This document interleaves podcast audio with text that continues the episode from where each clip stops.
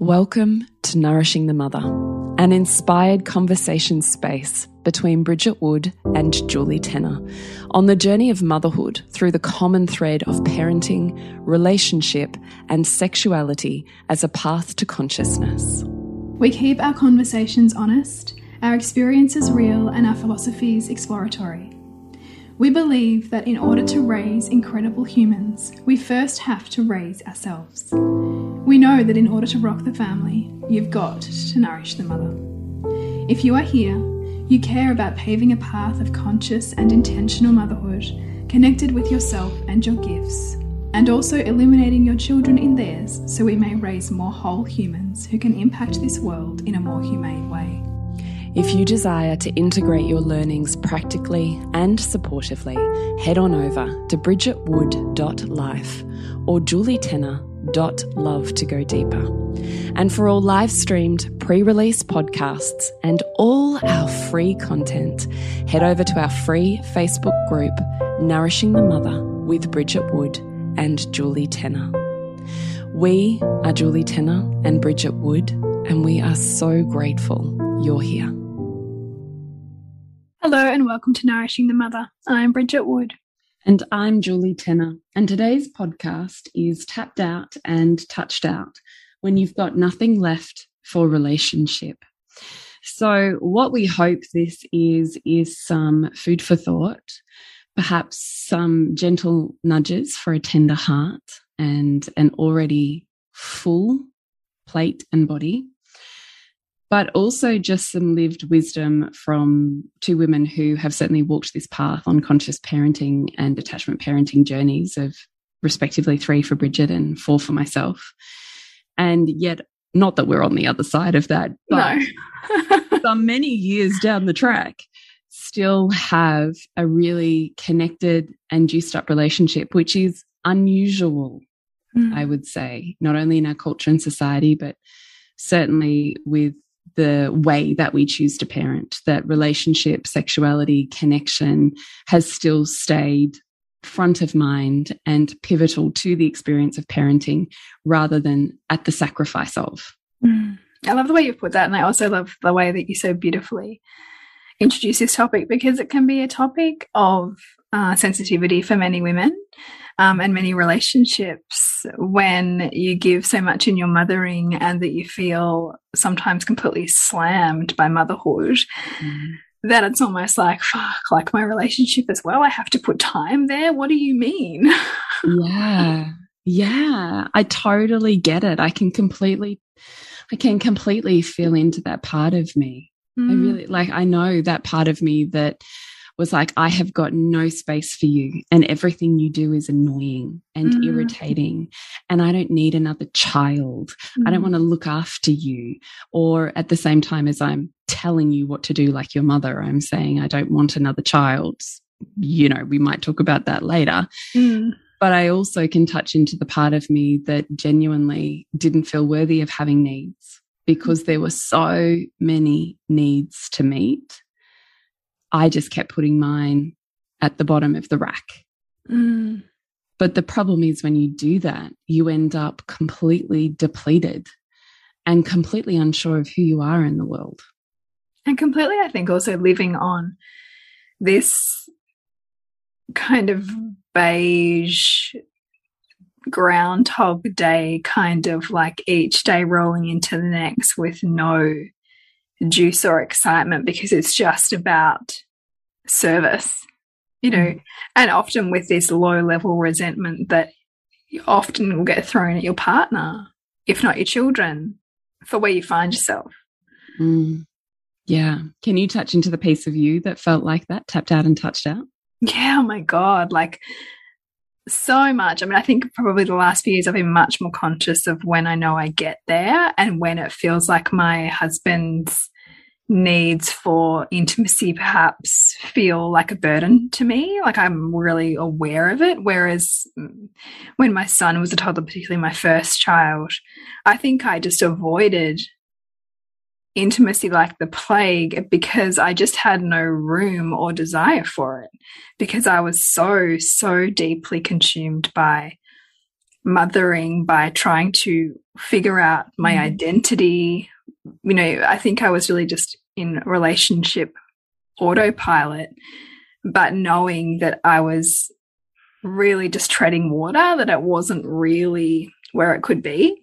Mm. But I really didn't, I think, have the lens then for understanding what was possible if I did put attention there. But also, I think for me and for so many women, right, like you have to open up your own wounding and your own patterns and your own stories that block your intimacy to go there. And at that point, I just wasn't ready. So I can so like put myself back there and go, oh God, I see all the ways that that created the relationship or the, you know, I mean, it was fine, but I like fine's only good for so long, right? Mm-hmm. And I didn't want fine anymore, but to not have fine anymore, I had to look at, okay, well, where are all the ways that I am complicit in this fine, like pattern that mm. I find myself in, which for me, like, looked like being too consumed with the baby or the toddler to have any energy for presence with my husband, or just my body being so for my child that I wasn't even connected with it really, let alone inviting my husband into connection and, you know, desire. Like I wasn't desiring my own body and my mm. own pleasure, let alone trying to want to find that with my husband at that time. It's so true. Yeah, I feel every piece of your story there as well. Yeah. Yeah, so true. And I kind of like I my body kind of like mm, like winces at that memory because I mean it just I mean it speaks to my own like development of my own sexuality at the same time for where I found myself then but like I look back and go wow like I didn't know that I could have that and this you know that I could have my body be so for my child, but my body mm. also be my own and be really boundaried in such a way that I could move from this experience of mothering with my body to my body being a deep vessel for pleasure for myself and for my husband. Yeah. Didn't know that that could coexist. Yeah. It was pretty hard to see a living embodiment of that, wasn't it? Mm, mm pretty hard to know it's possible if you can't see it in the world, isn't yeah, it? Yeah, well, I mean, I don't think the world reflects that for us at all. It's it's it's like the Madonna or the whore, right? Yeah. Like it, it's not. Yeah. There is no like meeting way to play those to, to, to intertwine them that they just seem at so at odds with each other, right? Yeah. Yeah, and I do think as as you were telling your story, I was reflecting on those pieces you know, that's always the beauty of stories isn't it? Mm. Our own experiences. I was like, yeah, man, I feel that. So you had the partner who came towards you for intimacy, and I had the partner who just backed away further. Mm. And I mm. think that usually your partner is going to fall into one of those two camps. Either they get needy and it gets repulsive, mm. or they just give you distance because they think that's what you want. Mm-hmm. And that distance just keeps growing. And the bigger the distance, the more awkward, the harder it is to start to close that gap. Yeah, because it, because the gap just feels more. There's so much more in between. Like the bigger the gap, the more there is to traverse, and the more terrifying that feels. Because yeah, exactly. where do I go next? Like, how where, do I actually do I fit in that? Yeah, yeah. And I just think about myself in that um, early stages, certainly of baby babies one and two was just so many needs that I think I went on my trauma autopilot, which was always levels of body disconnection. I think back then I would have thought that I was connected, only now I know what connection can be. I recognize that it wasn't. Mm. So I can see how I was able to punish my body. So force it, force it into things or yeah, exercise yeah. beyond what actually was nurturing. Like when we had Chloe on the podcast, remember I said I was running with the double pram, pushing both my kids up hills. Mm. You know, like two weeks smashing your pelvic floor, right? yeah, like just smashing my body, smashing my body because I needed to lose this baby weight or something to something. Yeah, I needed to lose something in order to be better. Mm. You know? Mm. So I can see there was that. I could easily be so busy with needs, I wouldn't eat all day. And I think that's something that mums do a lot. I'm too, I'll eat the crusts left over from my kids' breakfast, you know, at three o'clock in the afternoon when I'm trying to do the dishes before I run again into dinner. Like just so disconnected from my body, I wasn't even aware of hunger signals. Like it's not like I was intentionally ignoring them, though sometimes yeah. perhaps. Just so disconnected, didn't realize I hadn't eaten until three or four o'clock in the afternoon. Mm. So I can feel into all of those places that just perpetuate the I've got nothing left for anyone because there's not even enough here for me. Mm. And the second my partner would come closer, so proximity gets really hard in intimacy because the closer someone gets, even though we think it's about them, it's actually forcing us to shine an internal light on what we have been so busying ourselves with ignoring, mm. which I think mothers do extraordinarily well. That we can be so busy in motherhood that we use it as a way of not meeting what is actually happening for us internally. Mm, mm. Like if you and I wanted to, we could find a bajillion needs in a day that meant we never rested and stopped. It's not hard to do. Oh, exactly. I mean, you look at your house, like it, like there's always something to be done. There's always something to be folded, something to be put away, somebody's life to organize, some some bill to sort out, some extracurricular yeah. activity to like, like it never ends, right? Right. Right.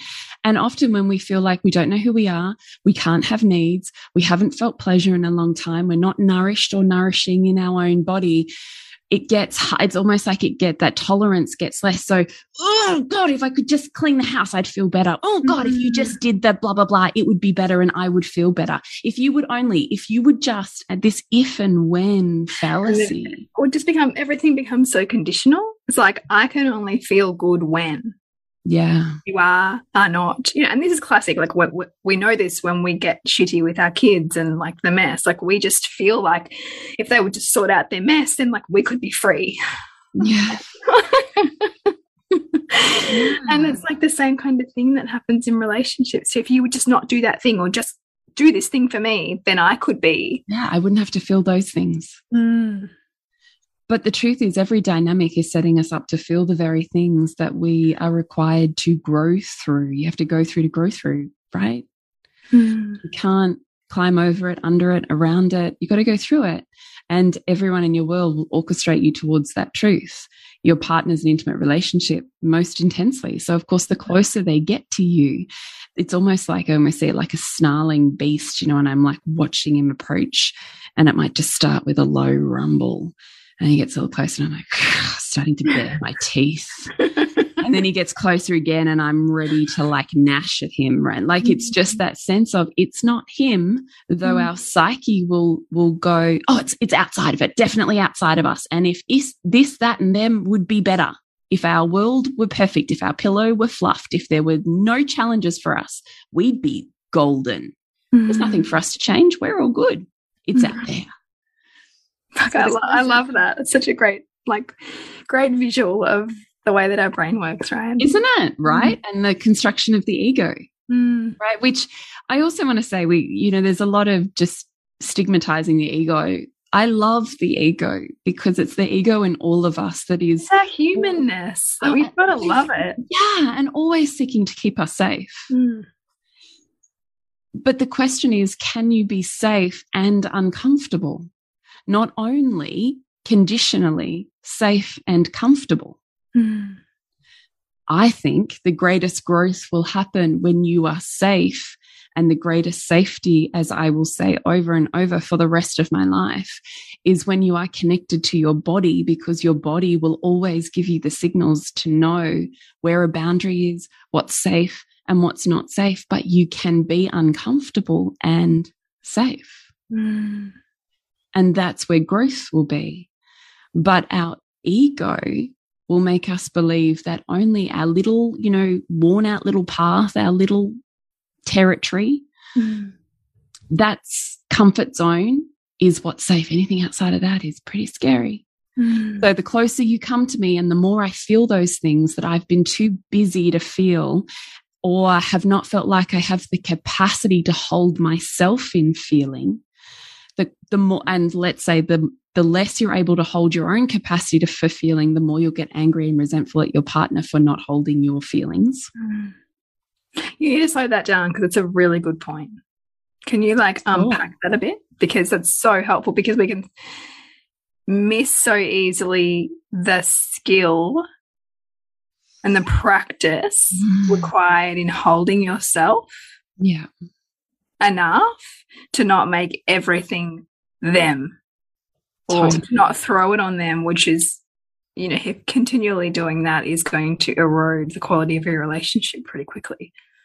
Oh, intensely, right? Because all we want is to be loved as we are for who mm. we are in any moment, not loved with conditions, only when, only if, you know, all we want, all of us, all of humans, your children, and it's no different to you and I and your partner. We're all children, we're all whole souls, mm. we're all human, we're all after the same thing. Just all walking each other home. That's, that's how the saying yeah. goes, right? Mm. Yeah, we just are craving to be loved for who we are as we are. And I mean, the crazy thing is when you love someone from that place, change spontaneously happens because now all of that energy that would have been diverted towards attacking you, defending them, now all of a sudden is freed up to mm. actually be self reflective and go, oh, you know, I want a little more of that or a little less of that.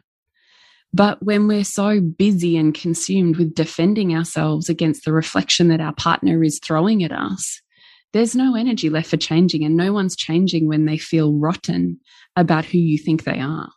Mm. No all, all, all, that tends to happen in that is further defense, further, you know, edginess, and like sometimes retaliation because it's like you've mm. set me up to feel for this long that I am this monster or I am this incapable person. I'm this disappointing to you yeah that that to be the bridge beyond that i mean you would know working with clients julie like what that requires of an individual to yeah walk themselves through and oh. not and not like leave because it feels too hard right man i actually think you know 90% of the work i do is on how to hold yourself mm like at the end of the day, if I could boil it down to one thing, you know, there's all the fancy language around, yeah, okay, we learn new ways of relating. We learn to see our partner in new light. We learn to appreciate rather than fight against so that we're free to change. You know, we learn to understand how our partner functions and how to work best with that. Sure, sure, sure, sure. All those things. But really, all of that is, is bullshit unless you can hold yourself and have the emotional intelligence to hold yourself so that what you deliver them is received and digestible. Mm. If you can't anchor into yourself and hold yourself without throwing it on them, without vomiting it on them, without, you know, ice queening ice queening and cutting them out entirely, distancing and shutting down, or, you know, slicing them into a thousand pieces. None of those things are going to get you what you want. Mm. None of them. They will all erode the love and the structures that you want to build in relationship. Mm. So, unless you can hold your own emotional intelligence, be connected, which is the fem aspect, be connected to feeling, be connected to your truth, but able to hold yourself in it and deliver what you know your partner has a tolerance or a threshold or an ability at this point in time to hold, not because they're static, just like pelvises, we all change and move, mm. right? Like, I mean, this is one of the greatest battles in the birth culture, isn't it? Is, is people going, well, you know, the, the pelvis is only this big. So if your baby's like this or that, there's no way you can birth naturally. Yeah. Versus the alternative opinion, which is, it is infinite how the body moves and shifts and changes and opens and is not static and mm. formed. It's the same thing. Mm. Because you have this much capacity today, because they have that much tolerance or listening ability or holding ability today in this moment mm. does not define who they are and what's possible. And and what your potential is. I mean, as you're talking, I'm thinking about like, you know, a very conscious thing that I knew was going to be required of me and my husband was growing our relationship to be able to hold three children. Yeah. Like, and I talked about this on the podcast, like that that was going to be one of my focal points was what needs to up level in our communication, in my meeting of his needs and him meeting of my needs, and just us prioritizing connection so that I could continue to to parent the way that I wanted to, to have the value on family the way that I wanted to, that all required investment and commitment to growth.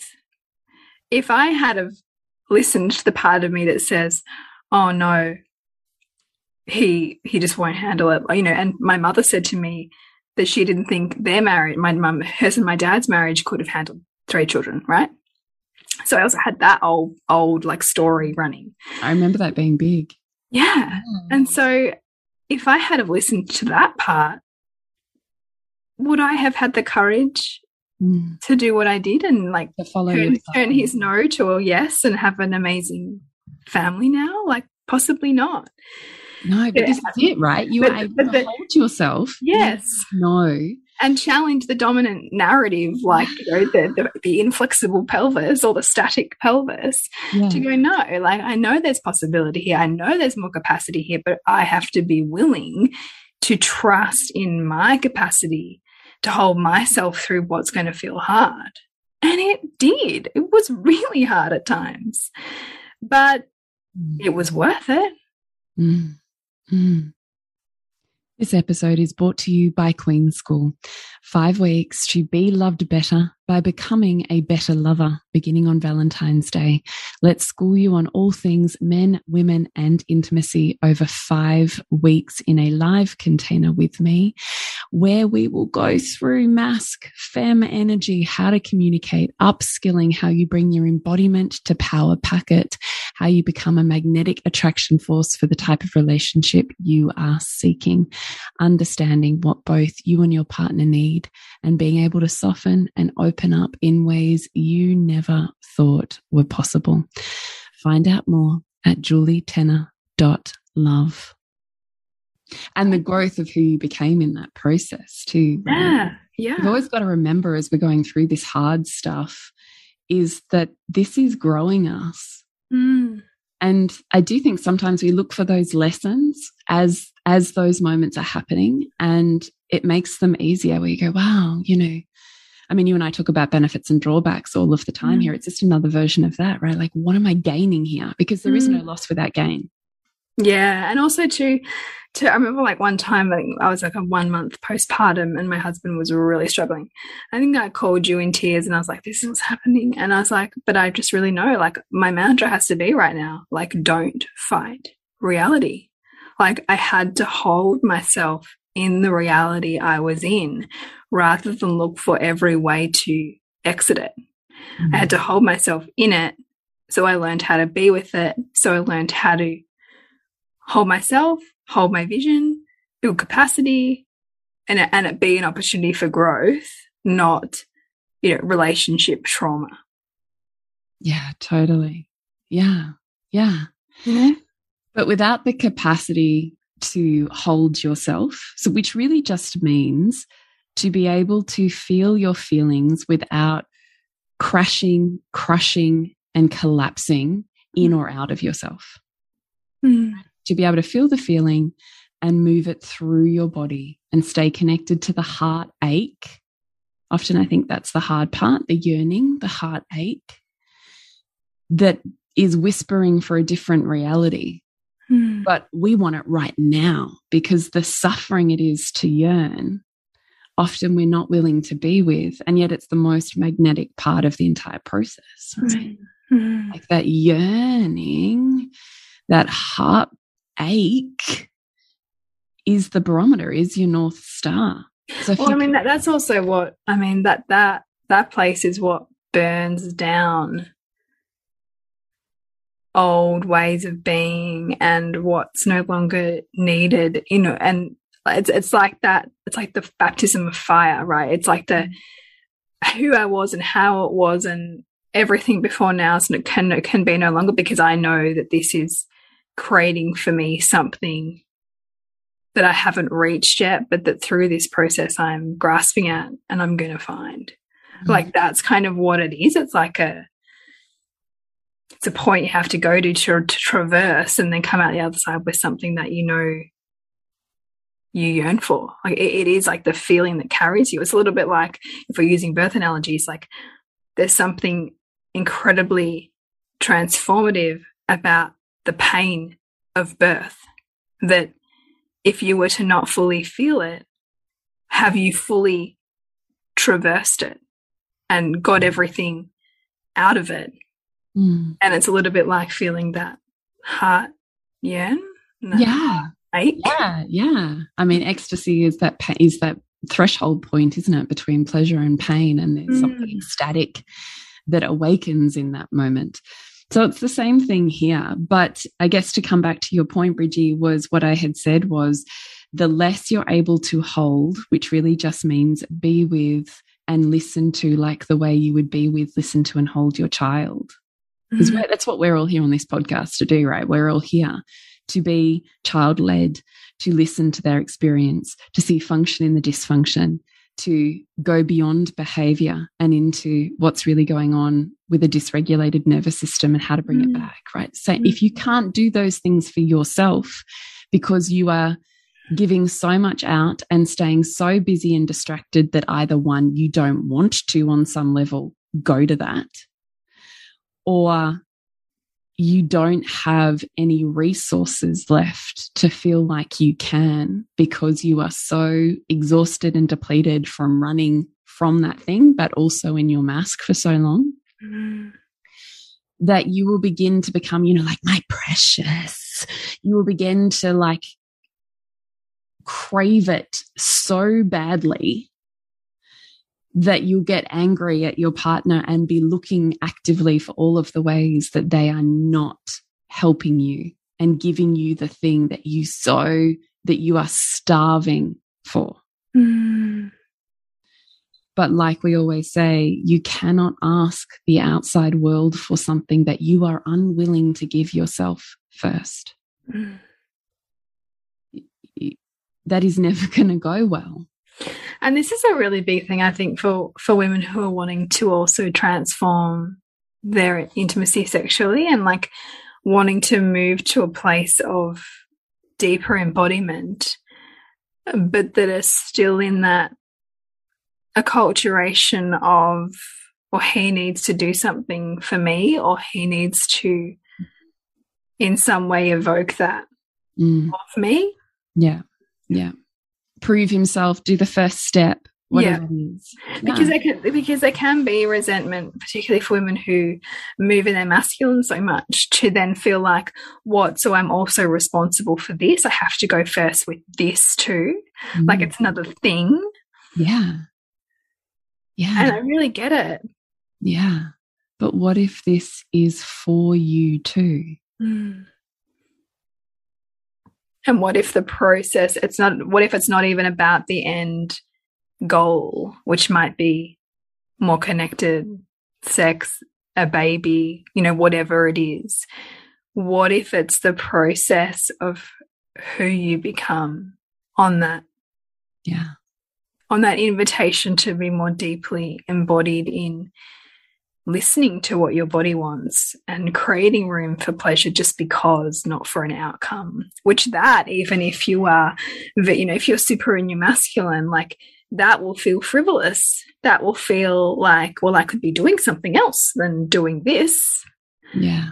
And yeah. even that can be a, a bit of a um a fight you have with yourself mm. right? No but i just think we catch it we like you know we I don't know, we'll hook ourselves so many times that we end up spinning in mud. Mm. What I have come to see is how, if you are with a masc being, regardless of um, gender and genitals, if you're with a masc being and they have a level of density to them, so you're potentially a very sensitive person, you can tune in, you can feel things, you can know things, you know, you're like, how the heck did they miss that subtle cue? Oh my God, I've been giving you hints all day, you know, and your partner's like, what hints? Mm. Is the longer I'm in this, the more I realize how much our beautiful masc partners actually do not know. Mm. Where are we learning it? We don't learn relationship in high school and we don't learn it at university. And we kind of like balk a little bit in our culture at, you know, paying to learn it because surely you've got to have some serious issues to go to counseling. And that's pretty much the only reason. Mm. And then what? All you're left with is what? The blueprint you grew up with. Mm.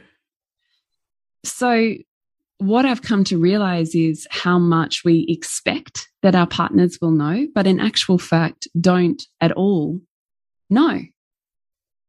Mm. So, being able to articulate what your needs are, but from a standpoint of holding yourself and your desires, not lashing out, not you know, projecting out at all of the ways they're disappointing and the list of all of the ways they haven't met you and the anger that comes from being unmet and unseen and un, yeah. Also, not minimizing because this is a classic one too. Women all just feel like they're not going to be met. So, well, I'm not going to ask for it anyway because he can't meet me. So, Yeah. I'm just going to like just push down that voice, that yearning, that need because I'd rather push it down than feel the pain and anger and frustration of it not being met. Yeah. Yeah. Hello, rejection and abandonment. wound. Mm. Yeah. Yeah. Yeah. Right. Like I, I've seen, you know, we, if you consider like early childhood, you just, 80% of the patterns are laid down by what time you're five. So everything else just falls into it. So if you have an abandonment wound, your partner is designed to push it and, and can continue to Yeah. play it out. Like, But also, we make stories and meaning yeah, out of stuff that not might not necessarily even be there. True, exactly. So it's also why we should need we need to be continually curious about why we carry that. How can we keep reacting this way? What are we getting out of the story we continue to tell ourselves? You know, because that's also the thing, right? Like we give so much power to our stories too. Like Mm. that it's helpful to understand our imprint so we know what we're working with, but don't let it consume you either because you have so much more power than you know, right?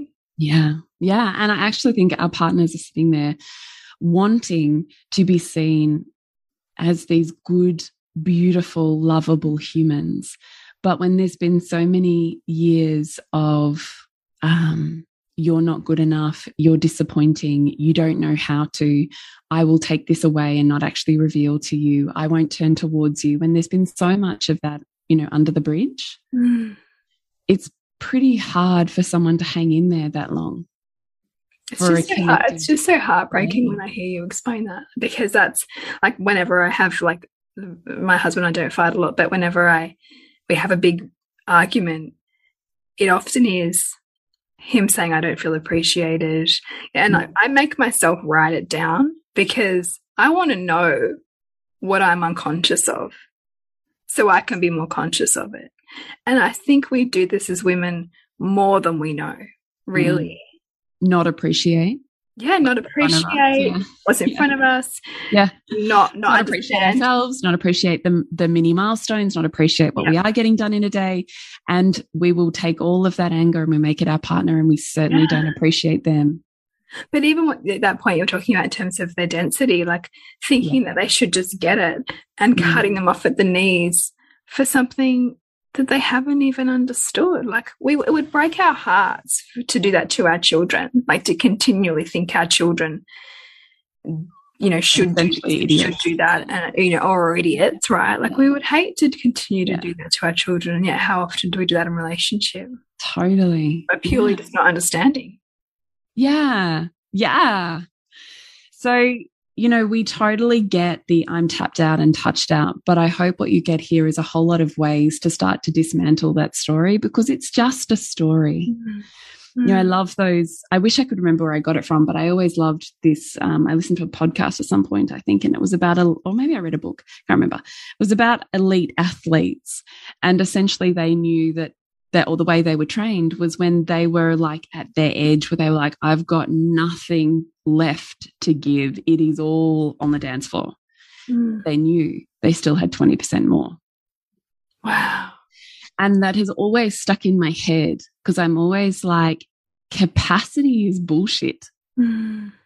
capacity is a construction of your story and your projection based on your ego's decisions, based on your wounds. Mm. And capacity is not true because I don't love less from one child to four. And mm. I might sit with two children and go, I can't imagine how you do four. Mm. Well, yeah, but until you're there, your capacity grows with you as you grow. Mm. Capacity isn't a real thing.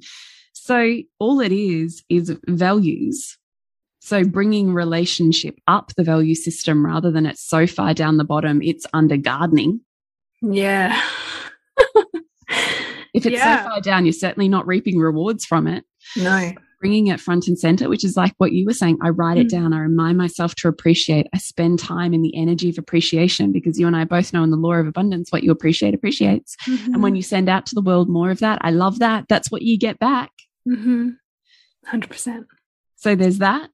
There's the also, are you running from yourself all day?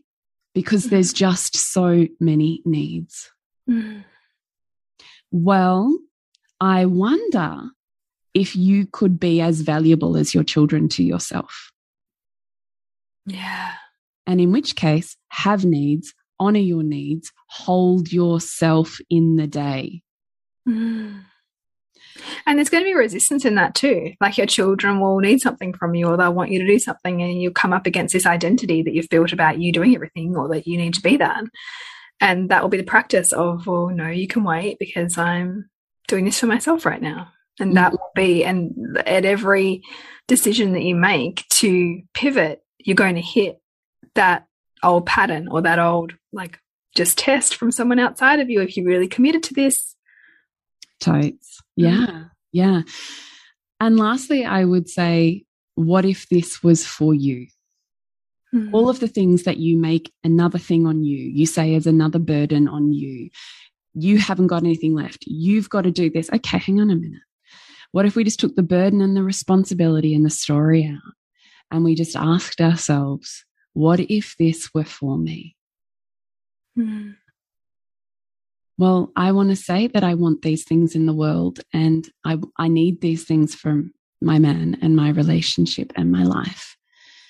And we get to find this pathway together. So there is a way to always have what you want, but it doesn't look like chucking a tantrum outside of you, mm. castrating and slicing them to a thousand pieces, or silencing it up and putting it in a dungeon. Mm. Doesn't look like any of those things. So tapped out and touched out. Yes, some days can be true, but if it is your predominant story, my love, it's a story mm. and you can change it. And also, yes, 100%. And also self responsibility around what's continually keeping you there. Like, is it, I don't have any room in my day for any of my needs until 10 p.m. at night. So then I mindlessly watch something to numb out or to have some excitement in my life that leaves me up until midnight and then I'm exhausted the next day. Mm-hmm. Like, this is also the thing, too. Like, if you're continually running on everybody else's needs and you crowd out your own, then you find the pockets late at night. But is that actually nourishing you? Probably not. Mm. You're going to feel exhausted. You're going to feel resentful. Yeah. Yeah. So I would add that too. Mm. So we really hope that you got something out of this podcast. We realize that it might come with a little bit of a sting, but please know it also comes from a total place of love and lived experience, as well as what we both see in our coaching spaces. So please know you're not alone. There is a pathway out and you do get to design the life that you want to lead. Mm. And I think too, sometimes we can, it can help to have a why big enough to carry you across. Like, as mm. I said, you know, with my story, my why for working on my relationship was really that I wanted my relationship to thrive with three children. And I wanted my family life to be one where everyone feels good and valued. Mm. But that that meant that I had to make a conscious effort to put my relationship higher on my values. And so sometimes that looked like getting my little baby, like my little baby to sleep when she was three or four months old and then moving into, into intimacy with my husband and prioritizing that even when I'm tired because I know what that gives us each and what that gives the relationship um, versus just putting that on the back burner until one day when my baby might sleep through or, you know, whatever other excuse that we can come up with when we have, you know, totally. little children. Yeah. Totally. Choose the bigger why, definitely. Mm. Yeah. So, if you are ready for some big relationship change, you are fully invited to come and join me for five weeks in Queen School, beginning on the day of lovers, Valentine's Day, February 14. So, it's five weeks with me. It's a self paced course content and a live container with coaching calls. And we really dismantle what's blocking and in the way of your fem then we look at what is really going on with those masc beings and how we bring more appreciation, understand them, and communicate in a way that is actually received.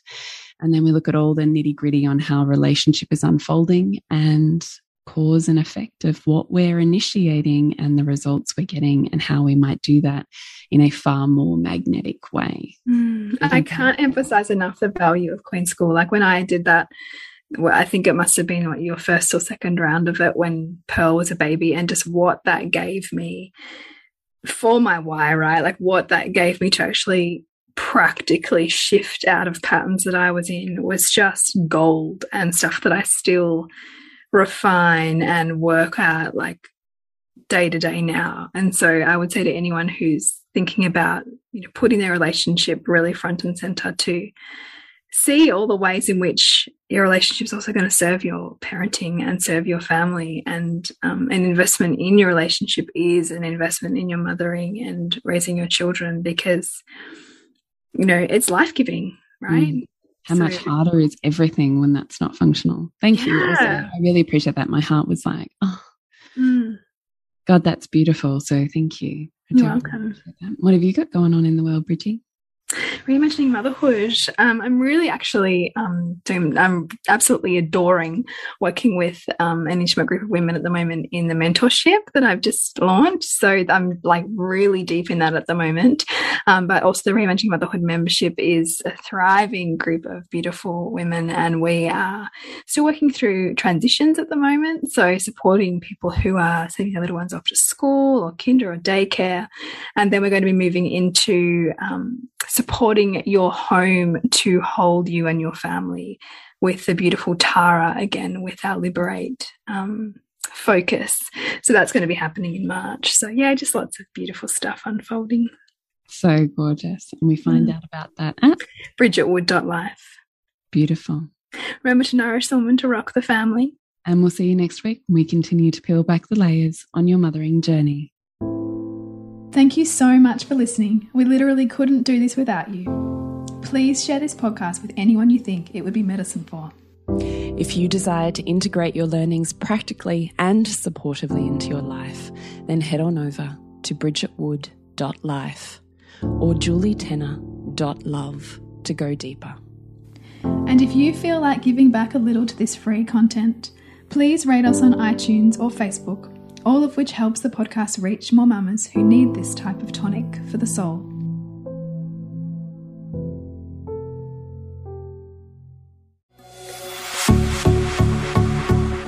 This has been a production of TheWellnessCouch.com. Check us out on Facebook and join in the conversation on Facebook.com forward slash The Wellness Couch. Subscribe to each show on iTunes and check us out on Twitter. The Wellness Couch, streaming wellness into your lives. Whilst the Wellness Couch presenter endeavor to provide accurate and helpful information to their listeners, these podcasts cannot take into account individual circumstances and are not intended to be a substitute for health and medical advice from a qualified health professional. You should always seek the advice of a qualified health professional before acting on any of the information provided by any of the Wellness Couch podcasts.